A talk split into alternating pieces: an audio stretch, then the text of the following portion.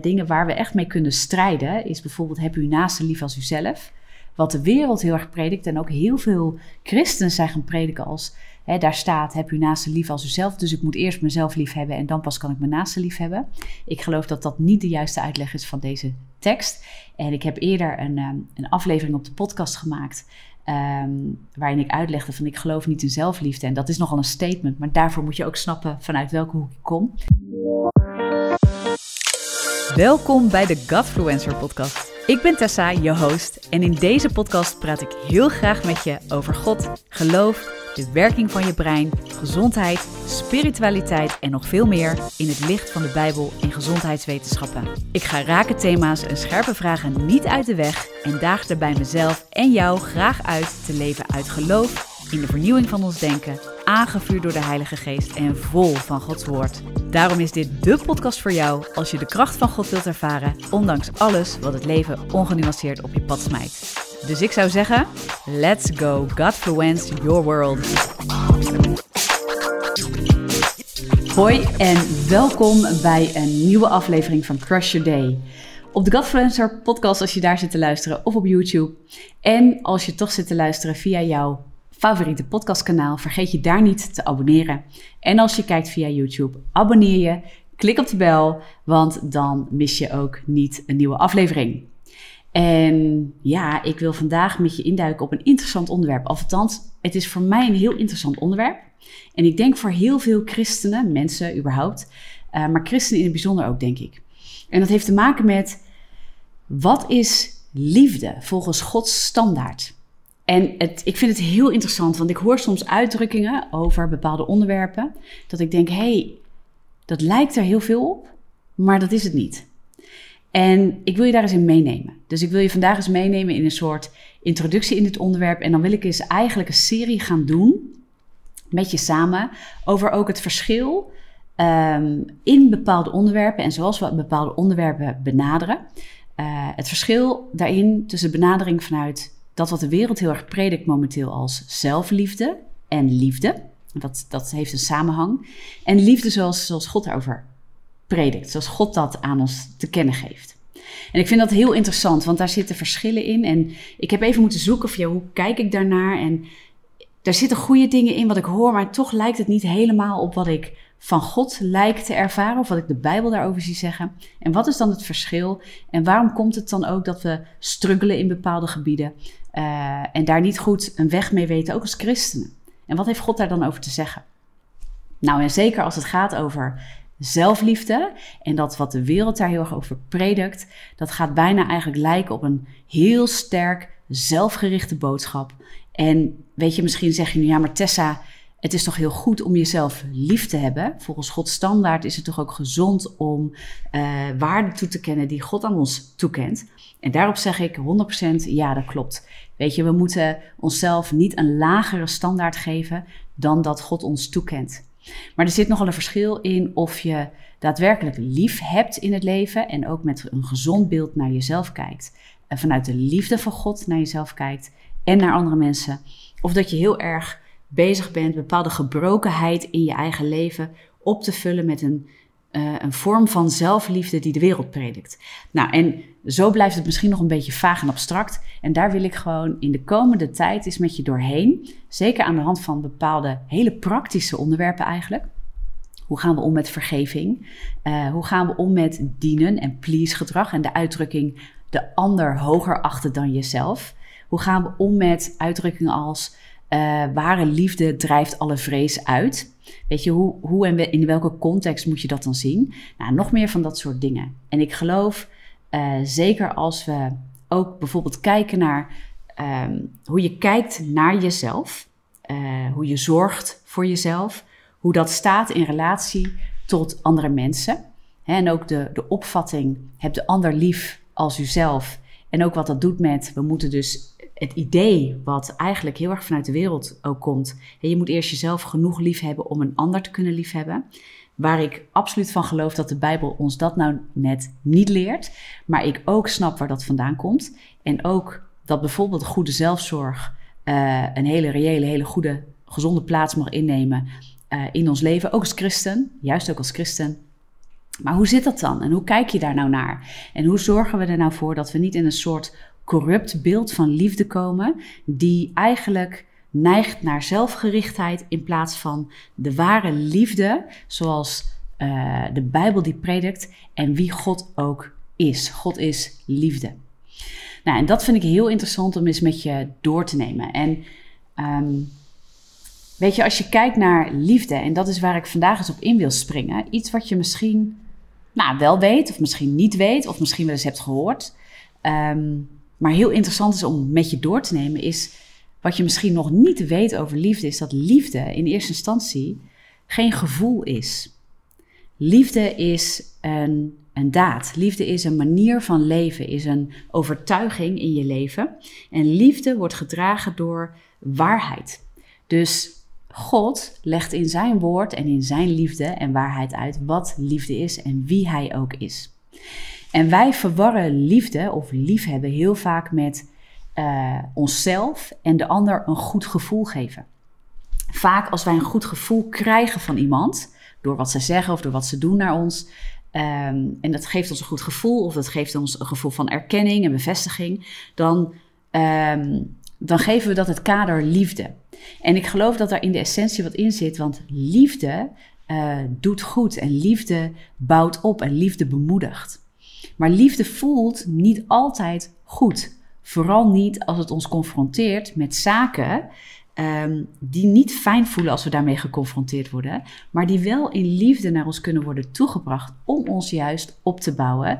Uh, zodat we bijvoorbeeld zonde of zaken die, die ons um, beschadigen of anderen beschadigen door ons gedrag, dat we daarmee geconfronteerd worden en dat we daar afstand van kunnen doen, dat we ons leven kunnen verbeteren, hè, beteren, uh, zodat we in liefde worden opgebouwd.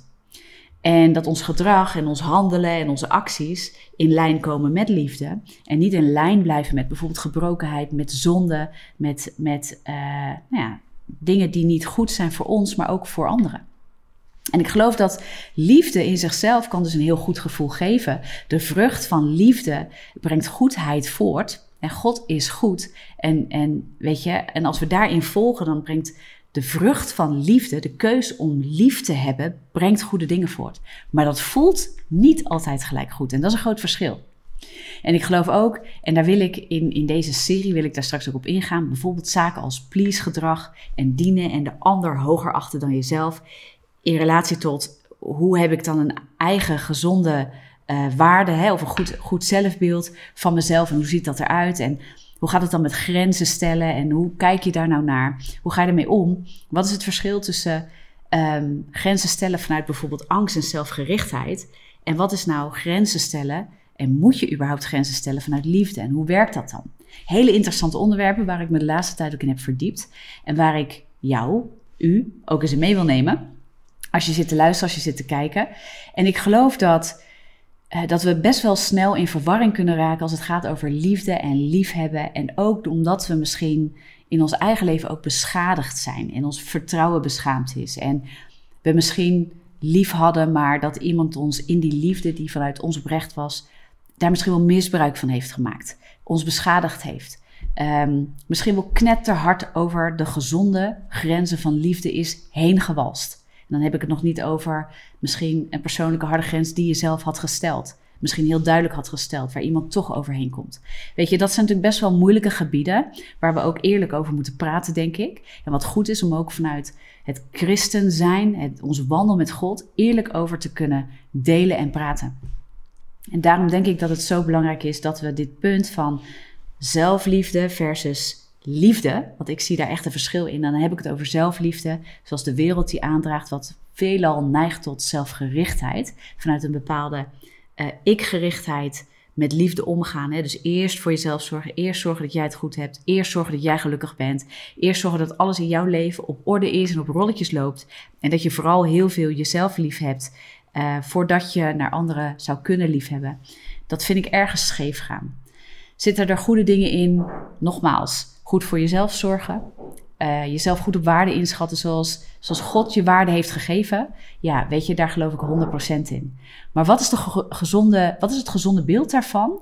En uh, wanneer gaan we uh, strijden met dat stuk van zelfliefde, wat veel meer neigt naar die ik-gerichtheid, die zelfgerichtheid. Hoe ziet dat eruit? Hoe is die vrucht van liefde ten opzichte van een vrucht van zelfliefde, die veel meer werelds is dan bijbels bijvoorbeeld? Ik vind dat een super interessant ding, omdat ik soms uitspraken hoor over onderwerpen, hele praktische onderwerpen, uh, waar we zeker als christen heel bewust mee bezig zijn en over nadenken, zoals vergeving, dienen, uh, nou ja, gewoon onze relatie met andere mensen, onze relatie met God. Uh, hoe dat verhoudt, grenzen stellen in je leven. Nou, gezonde zelfzorg, gezond zelfbeeld. Weet je, hoe kijk je naar al die dingen op een gezonde, uh, bijbelse manier, of een manier zoals God die eigenlijk voor ons bedoeld heeft. En de vrucht van liefde is goedheid van God. De vrucht van liefde is uh, dat het goede dingen voortbrengt en dat het dingen die niet uit liefde zijn ook afbreekt. Hè, ik, ik moet altijd denken aan, aan, aan bepaalde teksten. Um, en ik weet hem even niet uit mijn hoofd, maar een tekst die ook zegt dat God het onwankelbare in je leven uh, hoog wil houden. Ik zal hem even erbij zoeken, want ik heb hem onlangs heb ik hem gedeeld in een preek uh, die ik heb gegeven. En als het goed is, heb ik die tekst nog in mijn vizier ergens. En die ga ik er nu bij zoeken. Weet je dat God eigenlijk tot doel heeft dat hij het onwankelbare wil laten staan in je leven. Maar dat alle dingen die wankelbaar zijn, dat die onderuit gaan. Dat die worden weggehaald uit je leven. Hè? Zonde is ook iets. Zonden betekent uh, je doel missen. En God wil niet dat je je doel mist. God wil dat je je doel raakt, dat je tot bestemming komt. Dat is het doel van God. En je kunt alleen tot bestemming komen uh, in relatie met Hem. En je hoogste bestemming ook is het liefhebben van Hem en in liefde zijn met Hem. De herstelde, verzoende relatie met God zelf. En dat is ook wat Jezus kwam doen. Hè? Hij kwam de relatie met God herstellen. Hij kwam om verzoening te brengen. Hij kwam om ons te verlossen van de zonde. Hè? Dus van de zondeval van het feit dat we binnen de zondeval en het zondigen ook uit bestemming zijn geraakt, ons doel missen en ook uit relatie zijn geraakt met God. En dat kwam Jezus ook herstellen. En waar ik het over heb, die tekst waar ik net op, uh, op doelde, staat in Hebreeën 12. Uh, en je zou zelf kunnen lezen uh, vanaf vers 22, maar ik pak heel even ehm, een heel klein stuk in vers 27. Uh, waarin staat dat dit nog eenmaal duidt op de verandering van de dingen die kunnen wankelen als van dingen die gemaakt zijn, opdat de dingen die onwankelbaar zijn zouden blijven. Nou, dit gaat erover dat dingen best wel kunnen schudden in je leven, dat God zelfs dingen schudt in je leven, maar dat Hij het doel heeft dat de dingen die niet uit Hem zijn, die wankelbaar zijn uh, en niet uit Hem geboren zijn in jouw leven, dat die eigenlijk worden verwijderd in je leven. En dat de dingen die onwankelbaar zijn, de dingen die gegrondvest zijn in Hem, dat die over Hem blijven. En dat je daarin steeds meer de vrucht ziet. Nou, liefde is en heeft dat in zich. Liefde um, wil alles verdragen, maar wil ook de dingen die, um, die niet vanuit rechtvaardigheid komen, niet vanuit heiligheid komen, niet vanuit relatie met God komen, wil ze eigenlijk um, niet behouden dat is, liefde is er om de dingen van God te behouden en, en alle andere zaken eigenlijk niet te willen behouden. En ik geloof dat als we daarin gaan leren functioneren, als we gaan praktisch gaan ervaren van hé, hey, maar dit is dus liefde, dat je ook veel makkelijker de vrucht van liefde gaat herkennen bij jezelf. En hoe jij ook bent met jezelf, maar ook met God en vooral ook met andere mensen. En dat je ook de vrucht van liefde in relatie met andere mensen, uh, van, van mensen naar jou, gaat herkennen. En dat je daar ook liefdevol mee om kan gaan. Dat het niet een kramp hoeft te worden. Dat je niet vanuit heel veel angst en gebrokenheid jezelf over hoeft te verdedigen in je grenzen. Maar dat dat in iets andere dynamiek mag gaan krijgen. Waardoor er veel meer vrede, veel meer rust is in jouw omgang misschien ook met andere mensen. En daar waar je beschadigingen of gebrokenheid of misschien wel kwetsing uh, en zelfs een ja, misbruik misschien zelf hebt ervaren. Misbruik is een groot woord. Hè, maar waar bij mensen over je grenzen zijn gekomen. Uh, dat je daar misschien weer naar kan gaan kijken en, en, nieuwe kaders kan gaan stellen vanuit de liefde die God heeft gesteld. En, en dat wat liefde met zich meebrengt ook aan een gezond beeld van jezelf en relaties en nou ja, noem maar op. Dus ik vind dat een super, super interessant onderwerp. En uh, weet je, als je alvast wat teksten wil gaan opzoeken daarover, hè, dingen waar we echt mee kunnen strijden, is bijvoorbeeld heb u naaste lief als uzelf. wat de wereld heel erg predikt en ook heel veel christenen zijn gaan prediken als Hè, daar staat, heb uw naaste lief als uzelf. Dus ik moet eerst mezelf lief hebben en dan pas kan ik mijn naaste lief hebben. Ik geloof dat dat niet de juiste uitleg is van deze tekst. En ik heb eerder een, ehm, een aflevering op de podcast gemaakt. Um, waarin ik uitlegde van ik geloof niet in zelfliefde. En dat is nogal een statement, maar daarvoor moet je ook snappen vanuit welke hoek ik kom. Uh, want ik geloof wel in, in de waarde die ons is gegeven als mens van God. En ook dat het gezond is om een gezond zelfbeeld te hebben. Uh, in de ogen hè, van zoals God naar ons kijkt, dat we dat goed voor ogen hebben. Um, maar dit heeft te maken met dat wat de wereld ervan maakt. En die tekst die staat in uh, Marcus 12, vers 30 en 31. Het is heel interessant om die alvast eens te lezen. He, heb God lief boven alles en uw naaste als uzelf. En dat ga ik in de komende serie ga ik dat ook meenemen, die teksten en, en hoe kunnen we daar naar kijken. En uh, wat ik dus ook een hele eh, interessante tekst vind en waar heel veel christenen echt mee stoeien, ook als het gaat over ja, um, goed doen naar de ander, zeg maar. Ten koste van jezelf, niet ten koste van jezelf. Hoe zit dat? Dat is de tekst uit Filippenzen 2, vers 3. Hè? Dus acht de ander hoger dan jezelf. Uh, hoe gaan we daarmee om? Moet je dan maar grenzeloos geven aan mensen en dienen aan mensen? Uh, hoe zit dat? Hoe gaat het dan uh, in relatie tot jezelf? En moet je jezelf dan maar minachten of vernederen? En, en, en hoe dan en wat dan? Nou, dat zijn dingen waar ik het ook heel graag met je de komende serie over wil hebben. En uh, wat ook een hele interessante is, is natuurlijk de tekst die staat in 1 Johannes 4, vers 18. Hè, dat de liefde geen ruimte laat voor angst. Hè, volmaakte liefde drijft de angst uit. Wat is dat dan? Hoe ziet dat eruit? En wat doet dat? Wat mag dat doen in ons leven? Hoe vertaalt dat praktisch? En dan kom je ook op onderwerpen als please gedrag en uh, vergeven. Ik hoor heel vaak de uitspraak dat vergeven doe je uh, niet voor de ander, maar voor jezelf. Is een hele wereldse benadering. En is een niet juiste benadering, wat mij betreft. Uh, doet vergeving goede dingen ook voor jezelf als je dat echt doet vanuit liefde? Ja, 100%. Maar het is niet het doel. Heel interessant om daar eens naar te kijken. En ook zaken als grenzen aangeven.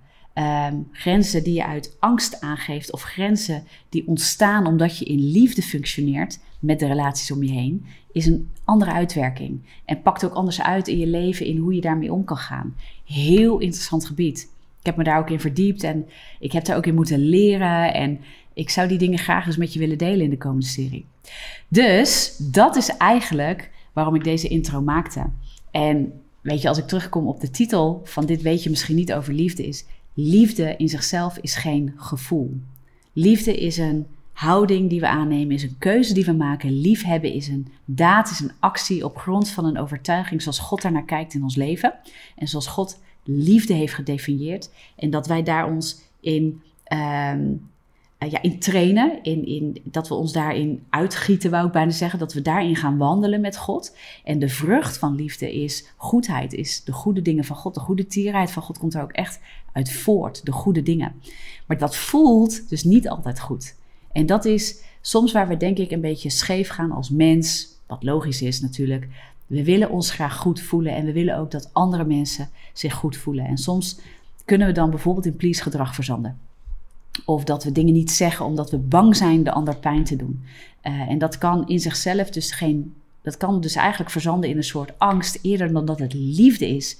Want de ander geen pijn willen doen, heeft vaak veel meer te maken met dat wij het spannend vinden. Dat als wij de ander misschien wel kwetsen omdat we eerlijk zijn, dat die ander ons dan afwijst. En daar zit veel meer een soort zelfliefde. Um, die komt uit bescherming van jezelf, uit angst om afgewezen te worden. En dus een, een indirecte ja, toch misschien wel een zelfgerichtheid. Zonder veroordeling zeg ik dit hoor. Um, maar we willen niet afgewezen worden. We willen erkend worden als mensen. We willen dat mensen ons lief hebben. Dat we dingen kunnen zeggen zonder dat, dat een ander ons gelijk aan de kant zet. He, dus dat is ergens ook logisch. Maar dan komt er een handeling vanuit angst en niet vanuit liefde. He, dus nou, dat super interessant. En vooral de praktische onderwerpen daar rondomheen. En daar wil ik de komende tijd gewoon eens uh, met je induiken. Anyway, voor nu even genoeg uh, stof tot nadenken, denk ik. De teksten die ik net even heb genoemd, ja, ga ze alvast eens opzoeken. Ook misschien wel een stukje voorbereiding op de serie die we samen gaan doen. Ik vind het super interessant om het samen met je te doen. Het is Marcus 12, vers 30, 31. Over heb de, heb, uh, de ander lief als uzelf. Filippenzen 2, vers 3. He, acht de ander hoger dan jezelf.